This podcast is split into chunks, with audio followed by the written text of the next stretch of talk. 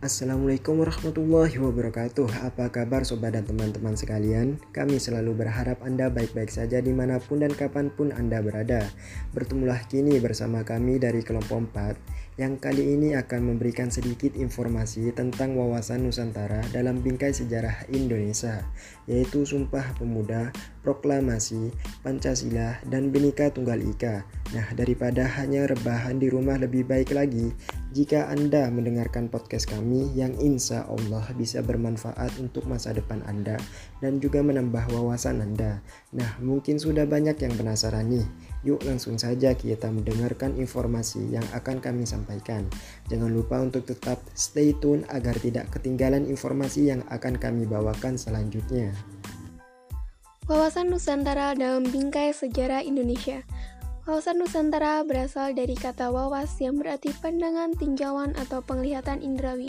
Menurut istilah, wawasan Nusantara adalah cara pandang bangsa Indonesia terhadap rakyat, bangsa, dan wilayah negara kesatuan Republik Indonesia yang meliputi darat, laut, dan udara sebagai satu kesatuan politik, ekonomi, sosial, budaya, dan pertahanan keamanan. Pada hakikatnya, wawasan Nusantara adalah perihal kesatuan dan persatuan Indonesia yang tercermin dalam sila ketiga Pancasila. Jauh sebelum Indonesia merdeka, wawasan Nusantara ini sudah ada dalam sejarah Majapahit. Mahapati Gajah menaklukkan dan mempersatukan berbagai wilayah dari Lombok hingga Singapura. Bahkan Mahapati Gajah membuat sumpah yang dinamai Sumpah Palapa yang berisi janjinya untuk menyatukan wilayah Nusantara. Sebelum Indonesia merdeka, wilayah perairan Indonesia diatur dalam Ordontai atau Undang-Undang Belanda. Namun, undang-undang tersebut menjadikan Indonesia bukan sebagai negara kesatuan, karena pada setiap wilayah laut terdapat laut bebas yang berada di luar wilayah yuridiksi nasional. Setelah Indonesia merdeka, pada tanggal 13 Desember 1957, Indonesia membentuk deklarasi Juanda yang berisi pengumuman mengenai wilayah laut Republik Indonesia. 76 tahun Indonesia merdeka, tentunya bukan hal yang mudah untuk mencapai sebuah kemerdekaan. Indonesia diwarnai oleh pengalaman sejarah yang tidak mengendaki terulangnya perpecahan dalam lingkungan bangsa dan negara Indonesia. Dalam sejarah Indonesia dari penjajahan Belanda hingga bangkit untuk melawan penjajah, pembentukan BPUPKI, menyatakan proklamasi dan mempertahankan kemerdekaan, semua diwarnai oleh semangat nasionalisme dan pantang menyerah. Maka dari itu, diperlukan wawasan Nusantara dalam berbagai aspek. Berikut adalah wawasan Nusantara dari berbagai peristiwa dari Sumpah Pemuda, proklamasi, pembentukan Pancasila hingga tercetusnya semboyan Bhinneka Tunggal Ika.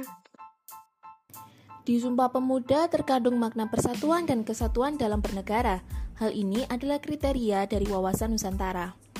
Dalam cara pandang bangsa Indonesia, berdasar Sumpah Pemuda, sudah terkandung di dalam isi ikrar sumpah tersebut. Ikrar pertama yaitu tentang bertumpah darah yang satu. Dalam kehidupan bernegara, tentu kita harus memiliki cara pandang ini agar mencapai keamanan bersama-sama di lingkungan kita, yaitu Indonesia. Yang kedua adalah berbangsa yang satu.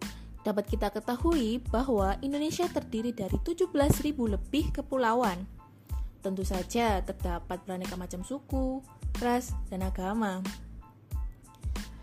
Karena adanya sumpah ini, ada rasa yang satu dan kepribadian nasional yang satu, yaitu bangsa Indonesia. Lalu, yang ketiga adalah berbahasa yang satu. Bahasa Indonesia menyatukan kita dari Sabang hingga Merauke. Karena keberagaman Indonesia ini tidak menjadi penghalang, kita dapat disatukan dengan bahasa nasional kita, yaitu bahasa Indonesia. Sehingga tidak ada pembeda antara satu yang dengan lain-lainnya atau kelompok satu dengan kelompok yang lainnya. Dan tetap dikenal sama, yaitu bangsa Indonesia. Wawasan Nusantara dalam bingkai sejarah yaitu salah satunya proklamasi atau peristiwa penting dalam sejarah yang merupakan asal-usul lahirnya Indonesia, berperan sebagai cara pandang bangsa Indonesia terhadap jati dirinya yang sebenarnya, sekaligus sebagai konsepsi dalam berbangsa dan bernegara. Dengan makna bahwa Indonesia adalah negara yang bebas, baik dari belenggu penjajahan yang mengikat sejak ratusan tahun silam, ataupun penindasan dari negara lain, dan sebagai negara yang memiliki kedudukan yang sama dengan negara lainnya, sudah menjadi hak negara Indonesia untuk mengelola bangsa dan negaranya sendiri, tanpa harus ada campur tangan dari negara lain dalam keberlangsungan dan keberhasilan bangsa Indonesia menuju tujuannya. Karena makna proklamasi itu sendiri mengajarkan kita agar masyarakat Indonesia terus bertumbuh dan terus mengamalkan nilai-nilai Pancasila di dalam setiap perilaku masyarakatnya, agar terus bersatu menjadi bangsa yang kokoh dan menaikkan martabat bangsa Indonesia terhadap bangsa lain dan memulai perjuangan baru untuk mewujudkan cita-cita negara Indonesia. Wawasan Nusantara atau cara pandang terhadap bangsa bertujuan sebagai pedoman, dorongan, dan motivasi dalam menentukan keputusan, kebijaksanaan, tindakan dalam penyelenggaraan negara di tingkat pusat dan daerah maupun bagi seluruh rakyat Indonesia dalam kehidupan bermasyarakat, berbangsa, dan bernegara. Landasan dasar wawasan Nusantara salah satunya yakni Pancasila.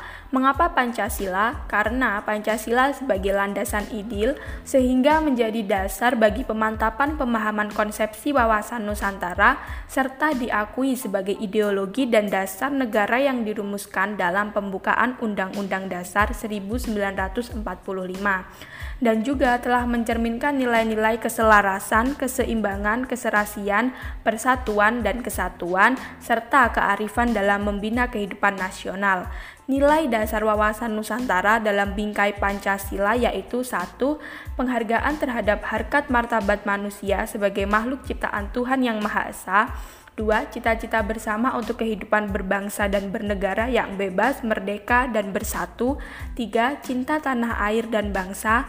Empat, demokrasi atau kedaulatan rakyat. Lima, masyarakat adil dan makmur. Untuk mewujudkan hal tersebut, tentunya tidak terlepas dari peran mahasiswa sebagai kekuatan moral.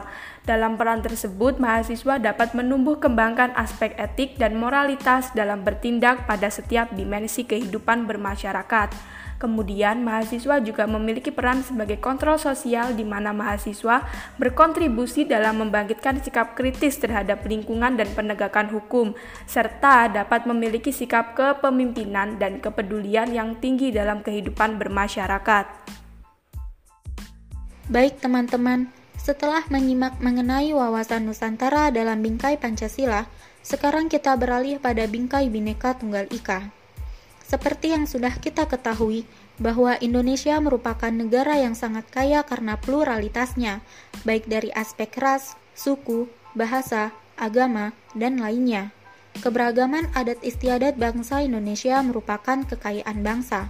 Keberagaman tersebut membentuk kebinekaan yang merupakan realitas bangsa yang tidak dapat dipungkiri keberadaannya untuk mendorong terciptanya perdamaian dalam kehidupan bangsa dan negara, kebinekaan pun harus dimaknai di dalam kehidupan sehari-hari.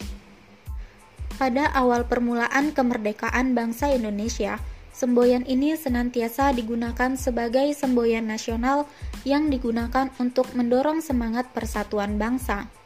Bineka Tunggal Ika mengandung makna meskipun bangsa dan negara Indonesia terdiri atas beraneka ragam suku bangsa yang memiliki kebudayaan dan adat istiadat yang bermacam-macam, serta beraneka ragam kepulauan wilayah negara Indonesia, namun keseluruhannya itu merupakan suatu persatuan, yaitu bangsa dan negara Indonesia. Keanekaragaman tersebut bukanlah merupakan perbedaan yang bertentangan, namun justru keanekaragaman itu bersatu yang pada gilirannya justru memperkaya sifat dan makna persatuan bangsa dan negara Indonesia. Konsep Bhinneka Tunggal Ika adalah sebuah semboyan yang dijadikan dasar negara Indonesia. Oleh sebab itu, Bhinneka Tunggal Ika patut dijadikan sebagai landasan untuk mewujudkan persatuan dan kesatuan di dalam bangsa Indonesia. Kita sebagai generasi selanjutnya yang bisa menikmati kemerdekaan dengan mudah, haruslah bersungguh-sungguh untuk menerapkannya di dalam kehidupan sehari-hari. Kita dapat saling menghargai dengan sesama tanpa saling memikirkan pencampuran suku, bangsa, ras, agama, bahasa, dan keanekaragaman lainnya. Demikian informasi yang bisa kami sampaikan. melalui podcast singkat dari kami yang bertema tentang wawasan Nusantara dalam bingkai sejarah Indonesia. Saya ucapkan terima kasih kepada Anda sekalian karena telah bersedia mendengarkan podcast singkat dari kami.